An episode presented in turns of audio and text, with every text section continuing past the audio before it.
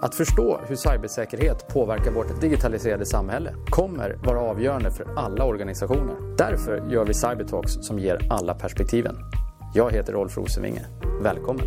I dagens avsnitt av Cybertalks träffar Rolf Emil Hellerud, journalist på TV4.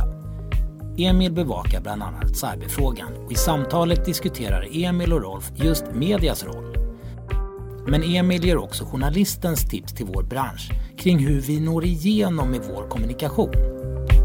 Hej och välkomna till eh, dagens avsnitt av Cybertalks. Eh, idag har jag med mig Emil Hellerud från TV4. Välkommen! Tack! Det här har jag sett fram emot eh, därför vi, idag ska vi prata om cyberfrågan i media.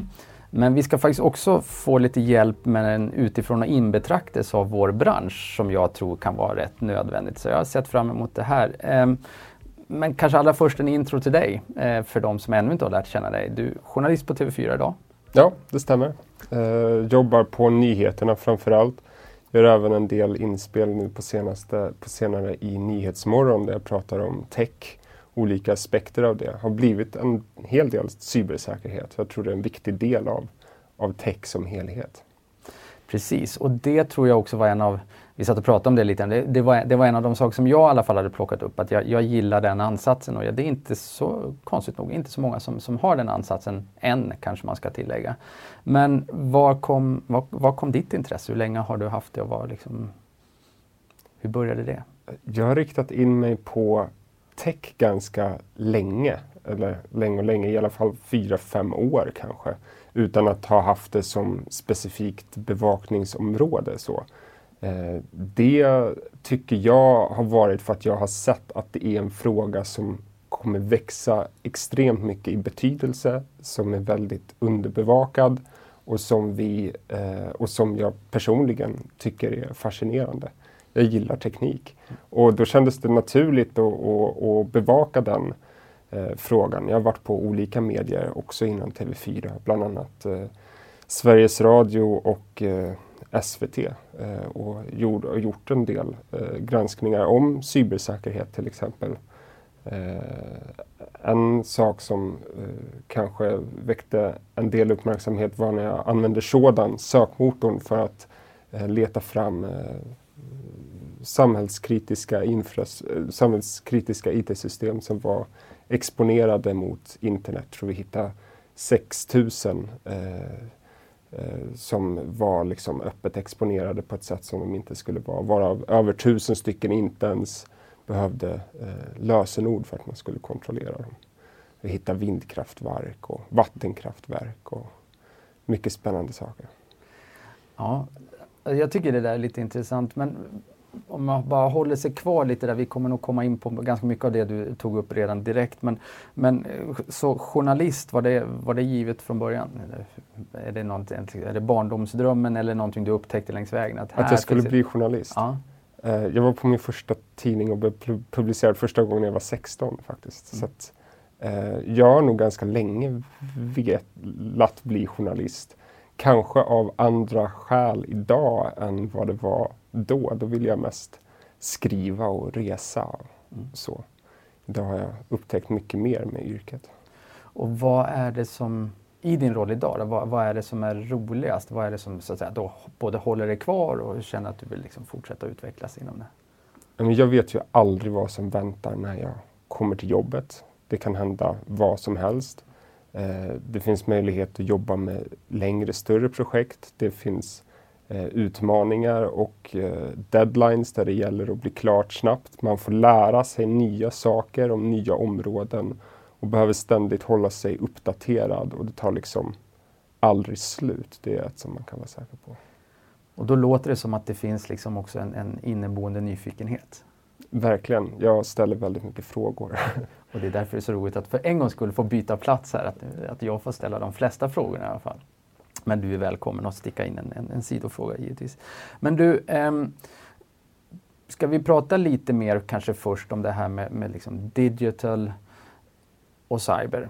Och de som har lyssnat på Cybertalks ett tag har ju förstått att jag ser det här som lite kommunicerande kärl och jag tror att min bild är att vi behöver prata mer om det på det sättet. Just hur kommunicerande kärl är. Att man i praktiken faktiskt inte kan eller ska prata om digital utan att faktorera in cyberfrågan och omvänt, vi kan inte prata cyberfrågan helt isolerat utan måste förstå att den är en del av ett bredare liksom, digitalt sammanhang.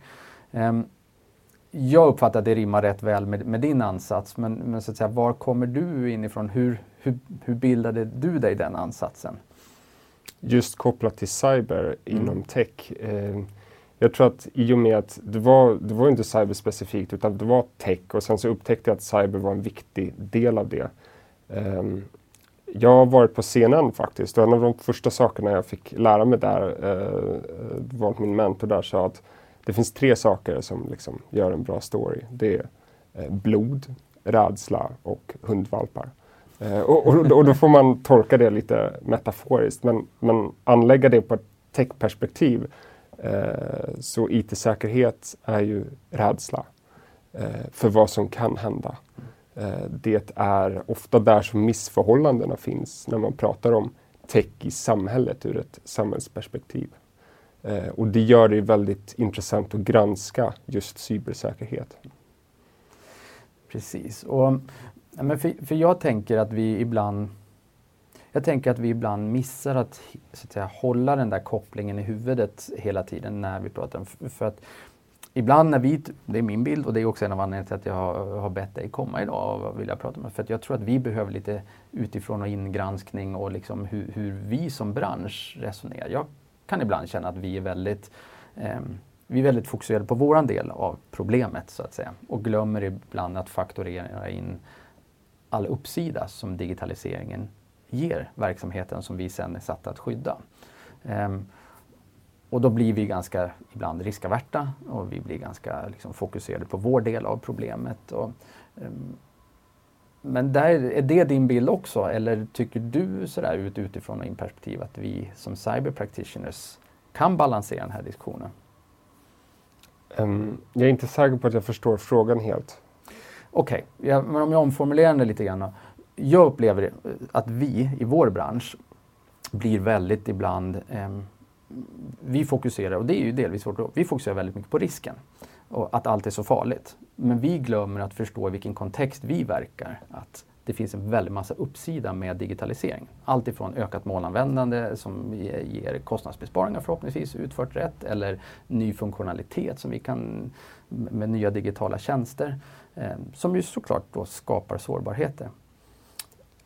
Jag, jag, tror att det där måste gå hand i hand. Eh, media tenderar ju också faktiskt att se problemen eh, och riskerna. Eh, det är ju medias roll att vara kritiskt granskande. Det är en, inte en nyhet när posten kommer fram, men det är en nyhet när posten inte kommer fram. Och på samma sätt så eh, tror jag inte att det är fel att fokusera på riskerna. Eh, det som kanske ur en journalist, från mitt perspektiv, kan vara svårt är att det oftast eh, fokuseras på teoretiska risker.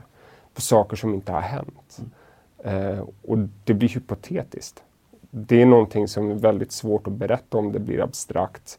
Det blir lätt det här att man kan få uppfattningen att, att man ropar varg eh, fastän det inte är någon varg. Mm. Och det där tycker jag är en intressant fråga för det, det tror jag också är någonting som vi mm, som bransch, vi brottas lite med det för att vi ser nog eh, vi ser en hel del av de här bristerna. Eh, och försöker, tror jag, på olika sätt liksom, påvisa dem. Men min bild är i alla fall att människan generellt sett, vi är ganska bra på att förstå kriser som uppstår när, när det är en liksom en händelse. Vi alla kommer ihåg 9-11 vid Deepwater Horizon, en oljerigg i Karibien. Pang, döda människor, olja på vattnet. Ehm, samtidigt som vi, om man bara radar upp de senaste åren, så vi har ganska många liksom högprofilattacker. Vi har haft Microsoft Exchange här, vi har Facebook-läcka, vi har SolarWinds och sen kan vi liksom spola tillbaka ända till liksom, eh, WannaCry, NotPetya, Estland 2007, Ukraina och så vidare är vi inte så bra på att uppfatta vilket skeende vi faktiskt är mitt uppe i. 9-11 flygplan flyger in i stor skyskrapa, jätteexplosion.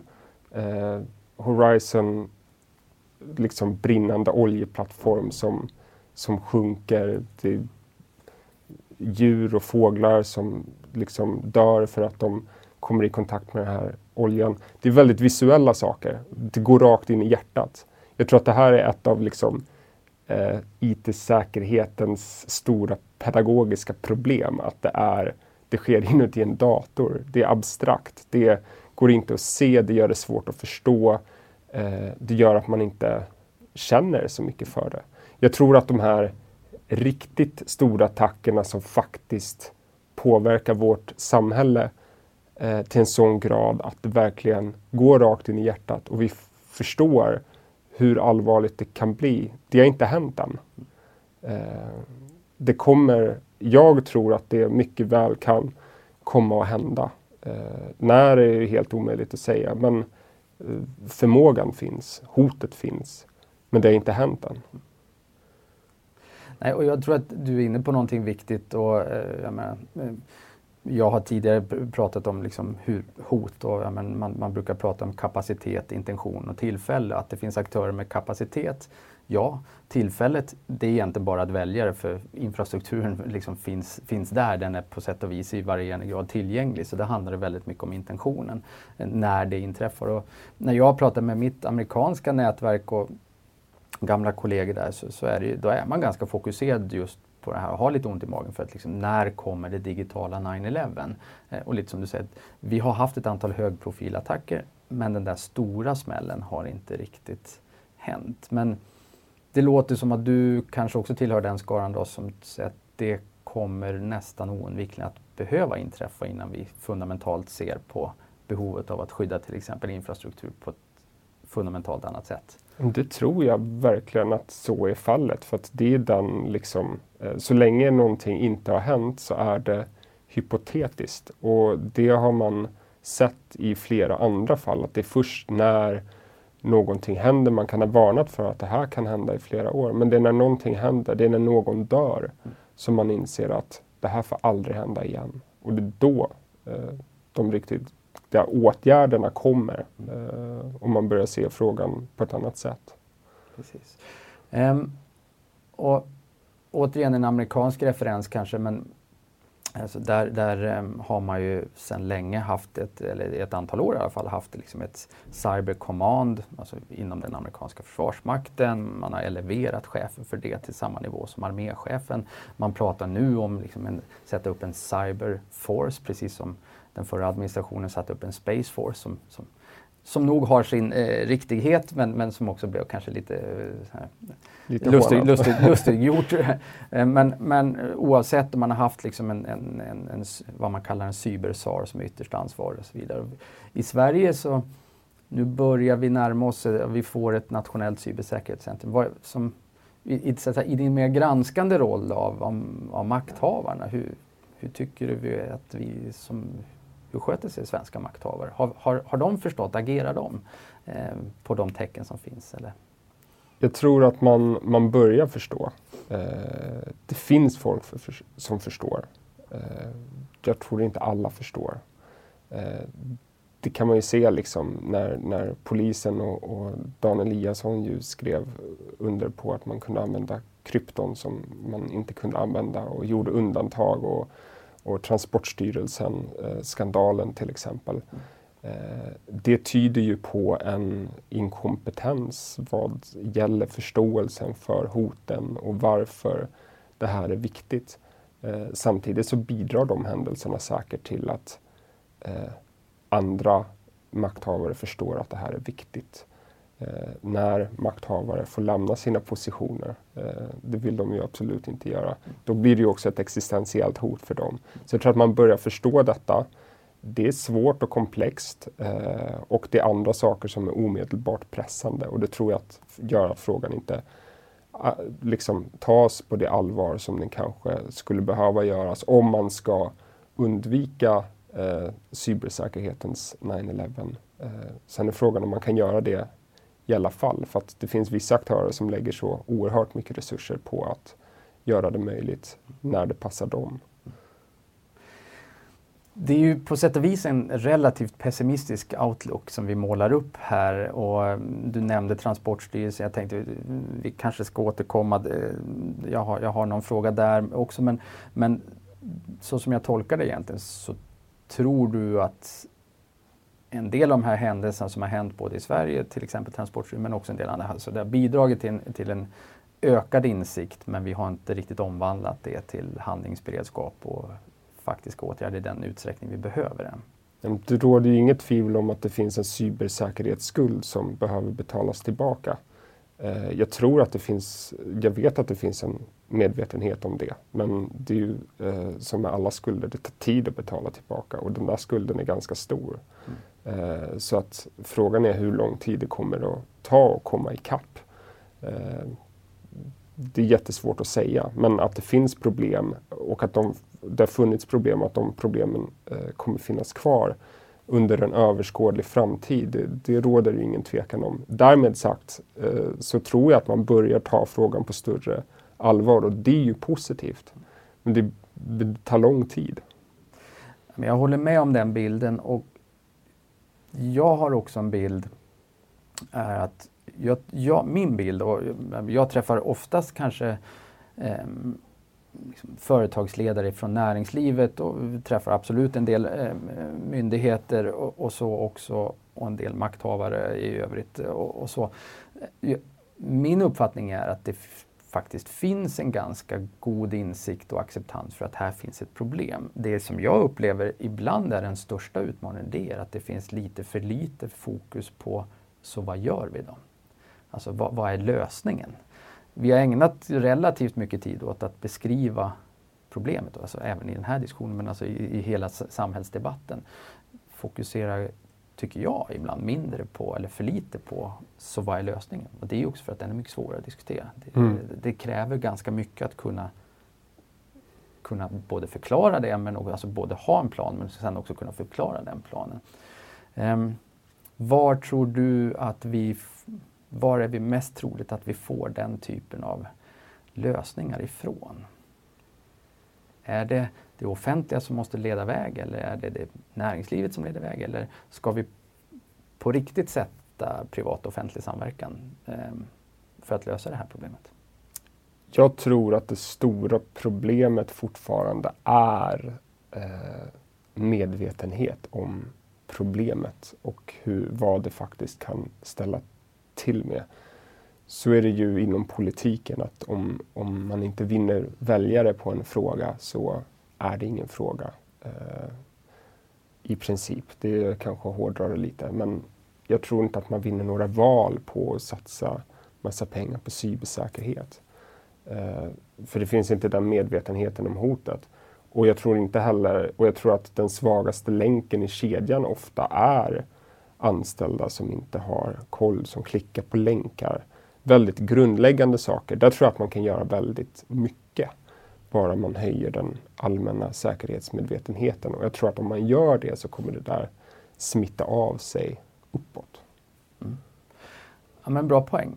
Ehm, och i det här skeendet som vi befinner oss då, hur är det, jag kommer tillbaka liksom till, till ditt journalistiska uppdrag här också. Hur, ehm, hur ser du då, alltså hur, vad blir ditt uppdrag idag i din roll? Är det liksom att öka den här medvetandegraden eller liksom att kartlägga och avslöja missförhållandena? Eller vad är, liksom, vad är din drivkraft? Hur ser du på ditt uppdrag? Var, var lägger du fokuset idag? Eh, Både och. Eh, det är viktigt att avslöja missförhållanden för att öka liksom, den allmänna medvetenheten. Sen kan man öka den allmänna medvetenheten bara genom att berätta om, om saker som händer. Det behöver inte vara en, ett hållande bara för att någon blir utsatt för en hackerattack. Eh, det finns ju ett sånt talesätt att har du inte blivit hackad så kommer du att bli hackad. Eh, och om man kan känna sig trygg i det, då kan man ju också prata om vad var det som gjorde att jag blev hackad? Så kanske du inte behöver bli hackad. Eh, där tror jag att det finns en, en viktig journalistisk uppgift att berätta eh, om de här sakerna. Sen är det ett stort problem att det, det kanske inte finns viljan att berätta om att eh, man har blivit hackad. Så är det ju. Eh, och det, det, tror jag både du och jag kan skriva under på att det, det är så att alla av naturliga skäl ska jag säga. Alla vill gärna prata om threat sharing och hur viktigt det är för att vi tillsammans ska bli bättre. ända fram till den punkten att man måste berätta själv om vad man har blivit utsatt så är det, då, är, då blir det lite jobbigare. Men det finns ju de exemplen där man ju faktiskt tog bladet från munnen och jag tror att lyssnarna kanske har hört mig prata om, om Norsk Hydro eh, tidigare för jag tycker att det är så spännande eh, att eh, ur ur ett rent krishanteringsperspektiv så valde man ju en väldigt annorlunda strategi. Det vill säga CFO var ute och höll dagliga presskonferenser och sa att ja, vi är hackade. Idag är det här affärsområdet fortfarande påverkat så här mycket och det här affärsområdet så här. Min uppfattning är att de fick väldigt mycket cred för det. Jag, jag, kan inte se att deras förtroende har skadats eh, egentligen på grund av det. Så när man nu har journalisten här också så du ser inga, du, du ser inga liksom, omedelbara risker för en företagsledare att, eh, att använda Norsk Hydro-strategin? Nej, jag skulle snarare säga att det är, det är positivt för säkerhetsmedvetenheten. Och, jag menar, det är ju det här eh, också klassiska att man tror att det här kan inte drabba mig. Eh, men om man inser att det drabbar väldigt många, eh, fler än vad som berättar om det, så kommer det kanske drabba dig också. Eh, och därför är det viktigt att prata om det. Jag tror inte att det är någonting som egentligen man behöver skämmas för eller som man eh, behöver, inte om fler vågar prata om det. Det är ju alltid liksom som en tröskel att, att ta sig över. Men jag tror att det är viktigt att prata om det för att jag tror att det är en del av lösningen. Jag håller med. Och jag tycker att det där är faktiskt en ganska viktig poäng och jag tror att om vi också faktiskt, för jag har suttit med ett antal företagsledare genom åren som har blivit utsatta och så har man haft den här typen av, här, ska vi disclosure, ska, vad ska vi säga till kunderna, vad ska vi säga internt, vad ska vi säga till myndigheten och så. Naturligt så har den här rädslan eh, funnits och man har liksom man har haft en preferens att, att vi kör, vi, vi, kan vi hålla locket på så behåller vi locket på. Eh, samtidigt så, ja, jag, jag, håller med och jag tror att det är en ganska viktig del i att också så sakteliga vända den här. För att om fler pratade om det så, så, förstår också fler hur många som faktiskt har varit med om det där. Och att det finns en hel del learnings att dra ut. Vad gick bra, vad gick dåligt? Jag tror också att det finns, och här tror jag faktiskt också journalistiken har eh, möjligtvis ett uppdrag. I de flesta andra problemområden i samhället, alltså när vi för ett antal år sedan hade eh, mycket bankrån. Så, så då är väl alla överens om att eh, banken och framförallt bankkassörskorna var brottsoffren. Och den dumma var rånaren. Och vi resonerade så, liksom, även ur ett liksom, medialt liksom, dramaturgiskt perspektiv. Det var inte bankerna nödvändigtvis som var the bad guys, det var de som blev utsatta. Med vissa variationer. Ja. Men, men, eh, men jag upplever att det fortfarande i cyberfrågan är ganska mycket så. Att det vi, och det håller tillbaks också varför man är lite rädd för att disclose. Man är rädd att bli så att säga petad på. Så, mm. att... ja, men så är det verkligen. Jag upplever att svenska myndigheter har en liknande inställning mm. eh, i princip. Om man försöker begära ut incidentrapporter från MSB till exempel mm. så är det helt omöjligt. Eh, och där skulle jag vilja dra en annan jämförelse, nämligen om man tittar på andra faktiskt samhällskänsliga sektorer också, som vården till exempel. Mm. Där man kontinuerligt rapporterar in eh, missförhållanden inom vården till Lex Maria. Det är också mm. lagstiftat, eh, Lex Sara, man behöver göra det. Och de eh, anmälningarna är, offent är offentliga och de ligger till grund för många bra journalistiska granskningar som har lett till att eh, makthavare fått upp Eh, ögonen för strukturfel och sen har kunnat rätta till dem. När man låser in allting bakom sekretess och hävdar att det här är en säkerhetsrisk, då gör man också, eh, omöjliggör man den typen av granskningar och man omöjliggör medias roll att faktiskt hitta saker som man inte hittat själv. Eh, och då tror jag att man skapar och har kvar problem i, i verksamheterna eh, som man annars skulle kunna ha upptäckt. Men jag tror att det är en viktig poäng och med flygindustrin är en annan sån. För många år sedan man hade eh, ganska många plan som trillade ner från, från skyn eh, tills man insåg att här behöver vi ett systematiskt angreppssätt. man hade börjat med avvikelserapportering och så vidare. Och, och, genom att göra det, alltså lite, lite på samma sätt som det fungerar i vården idag med lex Maria som du berättade om. Eh, är, det, är det liksom en, en, är det en sån typ av approach vi behöver ha? Det tror jag vi behöver alla hjälpas åt. Vi behöver alla förstå att vem som helst kan bli hackad och att om vi blir hackade och om flera blir hackade, eh, kanske på samma sätt och man kan hitta mönster, då kan man eh, hjälpas åt för att inte fler ska bli hackade på samma sätt.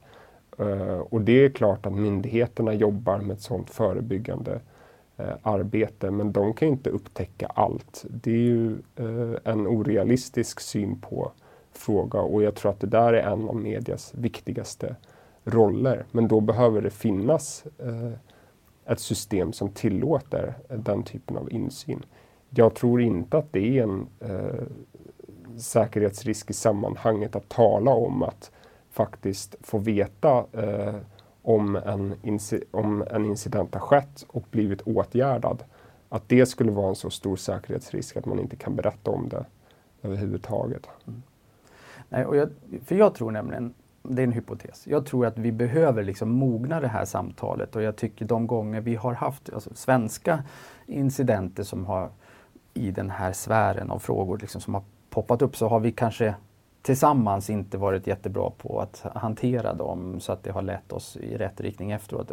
Vi, vi nämnde trans Transportstyrelsen förut, eh, där det ju fanns ett röjande av information eh, som jag faktiskt inte skulle bli förvånad såg likadant ut på en del andra ställen. Men nu blev allt fokus på Transportstyrelsen i det fallet. Och det blev ju ett ganska tydligt, liksom, en, en tydlig, ganska hetsig debatt och fråga och, det, och det, huvuden rullade och det finns en hel del learnings där. Um, min känsla så här något år senare är att delvis på grund av hur den debatten blev så har det också orsakat en nästintill skräck hos en hel del offentlig verksamhet för att till exempel använda molntjänster. Och, och som är Schrems 2 och GDPR och så vidare så, så har vi liksom adderat lite till den där. Jag kan se en risk i att vi inte klarar att debattera det mer nyanserat. För i förlängningen så leder det till, tror jag, att vi sitter med en hel del offentliga verksamheter som sitter kvar i ganska obsolet infrastruktur som är jättesvår att skydda och så vidare. Eller är det liksom bara ett naturligt genomgångsled? Det är en del av en mognadsfas som vi alla behöver gå igenom i den här frågan. Eller hur, vad tror du? Jag tror att man kommer att eh, förändra sitt synsätt på detta. Det enda som är konstant är förändring. Eh, så det kommer vi absolut att göra. Sen är frågan hur snabbt det kommer gå. Eh, det är jättesvårt att, att säga.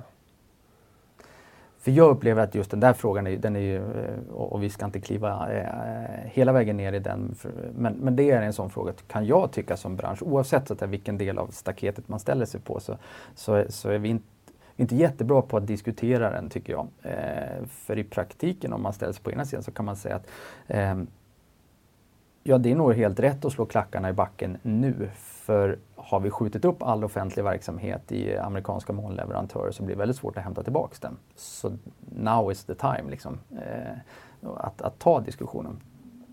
Vänder man på den och, och argumenterar från andra hållet så kan man ju säga så att ja, men då innebär det just nu att vi lever med en massa liksom, legacy-problem som är väldigt svåra att hantera. Vi fördröjer digitaliseringen av offentlig sektor. Eh, och någonstans så verkar det ju som att vi har gjort en riskvärdering att vi är mer rädda för amerikanska molntjänstleverantörer än, än till exempel cyberkriminella. Alltså man behöver göra skillnad på vad som är skyddsvärt också. Eh, det tror jag är väldigt viktigt. Just för att det är, finns aktörer som är, lägger så pass mycket resurser och är så pass duktiga på att komma åt vissa saker att om man försöker skydda allt eh, så står det just i vägen för utvecklingen och det är ju inte bra. Det är klart att om man lägger upp en massa saker i molntjänster och förlitar sig på olika leverantörer, ja men eh, då kanske man får med i beräkningarna att det finns en risk att man blir hackad. Eh, är det eh, information som inte eh, får nå eh, allmänheten eller, eller främmande makt och så vidare, då ska man ju inte ha det i en molntjänst till att börja med. Det är inte den informationen som man ska ha där. Men sen så finns, man får ju väga uppsidorna mot nedsidorna. Det finns ju så otroliga fördelar med att kunna komma åt eh, material och vissa filer eh, i molnet var som helst. Människor kan jobba hemifrån och så vidare. att det är ju nödvändigt att vi, vi har den infrastrukturen. Det kan vi inte hålla tillbaka. Men sen så ska man ju Eh, på riktigt fundera på vad är det faktiskt vi behöver skydda? För jag tror att man tror kanske också att man behöver skydda mer än vad som faktiskt behöver skyddas. Det tror jag är en bra poäng eh, i den här debatten. Um, en annan sak som jag funderar på som ju, eh, jag känner att jag måste ju passa på att fråga dig här eftersom du tittar på våra frågor liksom från alla de perspektiv som, som, som du har möjlighet som journalist. Vilka är de, vilka är de spännande trenderna som, som du ser inom cyberfrågan? Vad är det vi kanske borde ha ännu mer fokus på? Eller vad, vad är det vi kommer att diskutera om två år? Um, jag tror att en sak som vi ser nu som är väldigt intressant och på ett sätt omvälvande, för det är någonting som inte kommer att gå att ta tillbaka, men det är eh, den digitala övervakningen egentligen. Eh, att allting blir uppkopplat och spårbart och att polisen satsar väldigt mycket resurser på det här för att polisen behöver de här verktygen. Och det, det är ju enkelt att förstå varför. För att bevisbördan i domstolar har blivit mycket eh, tyngre och man behöver eh, den här typen av verktyg för att eh, fälla brottslingar. Det är bara att se vilket otroligt eh, jackpot som Encrochat har gett polisen. Eh, och vi får väl se nu om skjutningarna har gått ner på grund av om det, den statistiken håller i sig. Men det är ju en trend som ser lovande ut just nu. Eh, där tror jag att det också kommer gå väldigt snabbt. Polisen trycker på nu för att få fler verktyg att avlyssna och, och så vidare. Där skapas det en massa data som jag tror att man måste skydda och som jag tror att man måste fundera över hur man använder. På samma sätt som vi sätter upp en massa kameror i våra hem. Det finns eh, färg du kan måla på väggarna som mäter av hur vi rör oss eh, för att ge oss rekommendationer på olika sätt. All den där datan eh, tror jag att man eh, Eh, behöver, med Internet of Things också, som när allting mer kopplas upp, det behöver man eh, verkligen fundera på vad som händer eh, där. Både inom myndigheter men också inom liksom, den privata sektorn med små företag som ju inte säkert har råd att satsa på IT-säkerhet på det sättet som kanske skulle behövas. Spännande. Eh, och jag håller med dig. Och, eh, initialt så pratade vi om liksom digital och cyber som kommunicerande kärl. Och jag, jag, gillar hur du lägger till egentligen kanske den tredje dimensionen som är privacy i det här. Och de tre bildar en ganska intressant triangel egentligen som, som har effekter på varandra. Och jag tror, att vi, jag tror att vi bara är i början av den diskussionen. Men det går oerhört mycket fortare än vad vi är vana vid. Så jag ser en risk i att vi så att säga, kommer få lappa och laga i efterhand därför att det är så pass komplext och det går så pass fort att, att ta diskussionerna up front. Men där tror jag också att journalistiken har en oerhört viktig uppgift att hjälpa oss att sätta strålkastarljuset på de här frågorna. Um, tiden går också fort um, och som lyssnarna känner till så brukar vi alltid också eh, sådär, när vi börjar avrunda ställa en fråga kring finns det någon bok eller podcast eller någonting annat som du vill tipsa om. Eh, förutom givetvis att följa dig på Twitter, för det tycker jag man ska göra om man inte redan gör det. Eh, som har informerat eller inspirerat dig? Um, ja, jag fick ju lite förvarning på den där frågan så jag har funderat lite. Uh, jag läser ganska mycket böcker uh, faktiskt i olika ämnen och bland det bästa jag har läst de senaste två åren är uh, Sapiens. Eh, Har Hararis bok. Eh, den är Noah Yuval Harari. Den handlar om människan och han har också skrivit en uppföljning som heter Homo Deus som handlar om människan i framtiden. Det som är så bra med den boken och den serien är att han på ett sätt som jag inte har sett någon annan göra verkligen sätter ihop alla olika delar i samhället och pratar om eh, Eh, var vi står som, var mänskligheten står idag. Och han väver in tekniken och den teknologiska eh, eh, den teknologiska verkligheten om var människan är på väg i framtiden på ett filosofiskt sätt som är väldigt tänkvärt eh, och som jag tycker för samman väldigt många olika perspektiv. Så det är böcker som verkligen får en att se helhetsbilder och som får en att tänka. Eh, och därför så är det någonting som jag verkligen kan rekommendera. Coolt. Och jag gillar den där tanken för jag tror att, eh, jag kan bara gå till mig själv, jag menar, ibland så zoomar man ganska långt in i en specifik fråga liksom i, som, alltså, i det dagliga. I, man sitter tillsammans med en kund och man är liksom ner och diskuterar en teknisk lösning. Men att just ibland också kunna zooma ut och, och, och, och faktiskt nästan gå, gå till en filosofisk nivå och säga okej okay, men hur hänger saker och ting faktiskt ihop då? Vad är det vi ser i, dag, i det dagliga som är tecken på det här och hur hänger det ihop? Det, det, jag tror att det är nyttigt. Reflektion helt enkelt uppfattar jag att det är det du förordar. Ja, nej men absolut. Så jag hoppas att eh, den väcker tankar hos andra på samma sätt som den väcker tankar hos mig. Spännande. Tack för det. Och ehm, Därmed så tror jag att vi börjar närma oss. Jag tänkte faktiskt passa på eh, för ovanlighetens skull också att slänga in ett litet tips eh, själv. Eh, jag har eventuellt nämnt det för lyssnarna någon gång förut men har jag inte gjort det eller du inte har hört det avsnittet så en podcast som jag gillar och som vi pratade lite om innan här också eh, Intelligence Matters eh, med Michael Morell som är före detta eh, Deputy och Acting Director för CIA som har en podcast på med CBS tror jag det är. Eh, de har kört ett tag. Det handlar inte bara om cyberfrågan utan lite national security bredare ibland också. Men de kommer rätt ofta in på, på vår fråga eh, och jag tycker att det är ganska spännande att eh, lyssna på också för att man får det amerikanska perspektivet, vilket jag kan tycka var, kan vara rätt nyttigt för oss som ändå kommer från ett relativt litet land. Den ska jag lyssna på. Bra. Då, kul. Men med det också, eh, Emil Hellerud, journalist på TV4, stort tack för att du hade lust att vara med här hos oss på Cybertalks. Tack för att jag fick vara med. Det har varit ett nöje. Kul. Eh, och till alla lyssnare, until next time.